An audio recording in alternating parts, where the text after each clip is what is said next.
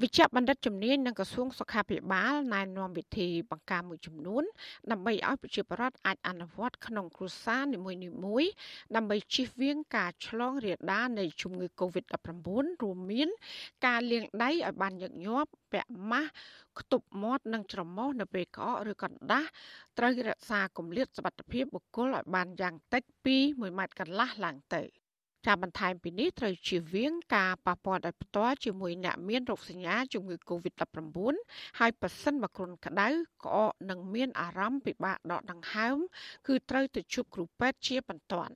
ចាម្ចាស់ clinic មេតាលោកវិជ្ជបណ្ឌិតហៀងរតនាមានប្រសាសន៍ថាការទទួលទានអាហារូបត្ថម្ភមានជីវជាតិកេងតម្រាក់គ្រប់គ្រាន់និងការហាត់ប្រាណគឺអាចកាត់បន្ថយការវិវត្តធ្ងន់ធ្ងរនៃជំងឺ Covid-19 ចំពោះការថែទាំគឺទី1យើងត្រូវហូបចុកឲ្យបានគ្រប់គ្រាន់ជាពិសេសហ្នឹងគឺអាហារដែលសម្បូរជាតិប្រូតេអ៊ីននិងវីតាមីនជាពិសេសជាតិស្វាហ្នឹងយើងអាចហូបបានគ្រប់គ្រាន់ដើម្បីបង្កើនប្រព័ន្ធការពារយើងឲ្យខ្លាំងមួយទៀតយើងត្រូវអនុវត្តគោលការណ៍អនាម័យលាងដៃឲ្យបានញឹកញាប់ហើយអកលយើងបាញ់លាងតែដៃបានហើយពីច្រើនយើងឃើញប្រជាពលរដ្ឋយើងបាញ់លើម្ហូបអាហារបាញ់លើខ្លួនបាញ់លើមុខអានោះវាប៉ះពាល់ទៅវិញទេអញ្ចឹងយើងលាងតែដៃស្អាតទៅបានហើយព្រោះពេលច្រើនបំផុតជាង90%វាឆ្លងបើតាមដៃនេះយើងប៉ះ កំហាឬប៉ះអីមានទឹកមាត់ហ្នឹងហើយយើងយកមកប៉ះមាត់ប៉ះច្រមុះយើងវាឆ្លងហើយនឹងវាឆ្លងផ្ទាល់ដោយសារការទាបដំណក់ទឹកតូចតូចចេញពីមាត់ទៅច្រមុះនៃជំងឺអញ្ចឹងយើងត្រូវពាក់ម៉ាស់ពាក់អីបានចិត្តចាគ្រូពេទ្យជំនាញសុខភាពឲ្យដឹងផងដែរថារោគសញ្ញាដំបូងដំបូងនៃជំងឺ Covid-19 គឺស្រដៀងគ្នានឹងជំងឺគ្រុនផ្ដាសាយធំផងដែរក្នុងនោះរួមមានគ្រុនក្តៅក្អកឈឺខ្លួនប្រានបាត់បង់ក្លិនមិនចង់ទទួលទានអាហារនិងថប់ដង្ហើមជាដើម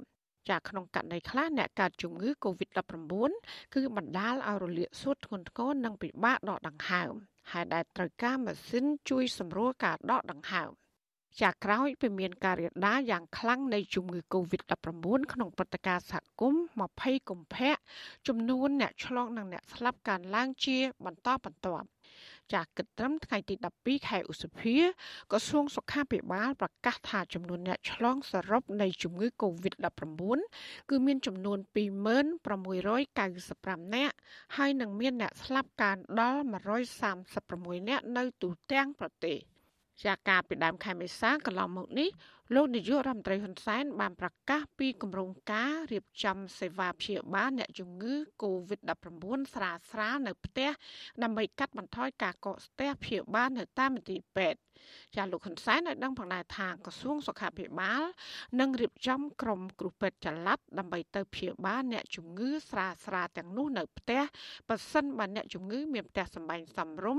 សម្រាប់ព្យាបាលនិងអាចនៅគម្លាតឆ្ងាយពីក្រុមគ្រួសារបាន។ ក៏ប៉ុន្តែគម្រោងការព្យាបាលនៅតាមផ្ទះនេះក្រសួងសុខាភិបាលនៅមិនទាន់អាចអនុវត្តបានទេម្ល៉េះហើយរដ្ឋាភិបាលក៏តម្រូវយកអាគារធំធំនៅតាមរោងចក្រនិងនៅកន្លែងផ្សេងផ្សេងទៀតដើម្បីរៀបចំជាមណ្ឌលសម្រាប់ព្យាបាល និងថែទាំអ្នកជំងឺ Covid-19 ចាជុំវិញបញ្ហានេះលោកវិជ្ជបណ្ឌិតហៀងរតនាមានប្រសាសន៍បន្តថាវិធានការព្យាបាលនៅតាមផ្ទះនេះគឺត្រូវបានអនុវត្តក្នុងប្រទេសមួយចំនួន ដូចជានៅសហរដ្ឋអាមេរិកនិងនៅប្រទេសមួយចំនួននៅសហភាពអឺរ៉ុបក៏ប៉ុន្តែប្រទេសកម្ពុជាវិញ គឺនៅមានឧបសគ្គនៅឡើយដោយសារតែការរស់នៅភាគច្រើនរបស់ប្រជាពលរដ្ឋក្រីក្រ គឺរស់នៅជួបជុំគ្នាក្នុងបន្ទប់តែមួយជារដ្ឋាភិបាលจึงប្រកាសឲ្យថា អឺអ្នកជំងឺស្រាលអាចព្យាបាលនៅផ្ទះប៉ុន្តែអត់ទាន់ឃើញអនុវត្តទេប្រហែលជាចំណុចហ្នឹងដែលជារនាំងអឺនៃការព្យាបាលតាមផ្ទះព្រោះជាបរដ្ឋខ្មែរយើងគឺច្រើននៅរួមគ្នាដោយនៅមានបន្ទប់ហើយច្បាស់មកព្រោះជាបរដ្ឋខ្មែរយើងជីវភាពនៅមានកម្រិតអញ្ចឹងពួកគាត់នៅនៅជុំគ្នាអញ្ចឹងឃើញថាដល់ពេលឥឡូវអ្នកដែលមានវិជ្ជមានគឺគេយកទៅសម្រាប់ព្យាបាលនៅតាមកន្លែងដែលគេរៀបចំនៅរដ្ឋាភិបាលរៀបចំអញ្ចឹងមើល បើគាត់តេស្តមានជំងឺគឺគេអត់ឲ្យនៅផ្ទះទេអញ្ចឹងអត់អត់អាចមានមានអនុសាសន៍ថាត្រូវថានៅផ្ទះត្រូវធ្វើមកធ្វើមកទីព្រោះឥឡូវហ្នឹងបើគាត់មានជំងឺគឺគេតម្រូវយកគាត់ទៅទៅព្យាបាលតាមកន្លែងដែលគេរៀបចំហើយចាពាក់ព័ន្ធនឹងវិធីព្យាបាលអ្នកជំងឺ Covid-19 វិញគ្រូពេទ្យព្យាបាលរោគ Allergy លោកវិជ្ជបណ្ឌិតហែនភិរៈមានប្រសាសន៍ថា កម្ពុជាកំពុងជួបបញ្ហាប្រឈមដោយសារតែចំនួនគ្រូពេទ្យមានកំណត់ហើយឧបករណ៍វិទ្យាសាស្ត្រវិញគឺនៅខ្វះខាតចាលោកបន្តថាវិធីសាស្ត្រព្យាបាលអ្នកជំងឺ Covid-19 បច្ចុប្បន្ននេះគឺគ្មានភាពច្បាស់លាស់នៅឡើយទេដោយសារតែក្រុមគ្រូពេទ្យកំពុងប្រើប្រាស់ការព្យាបាលអ្នកជំងឺ Covid-19 គឺទៅតាមរោគសញ្ញារបស់អ្នកជំងឺ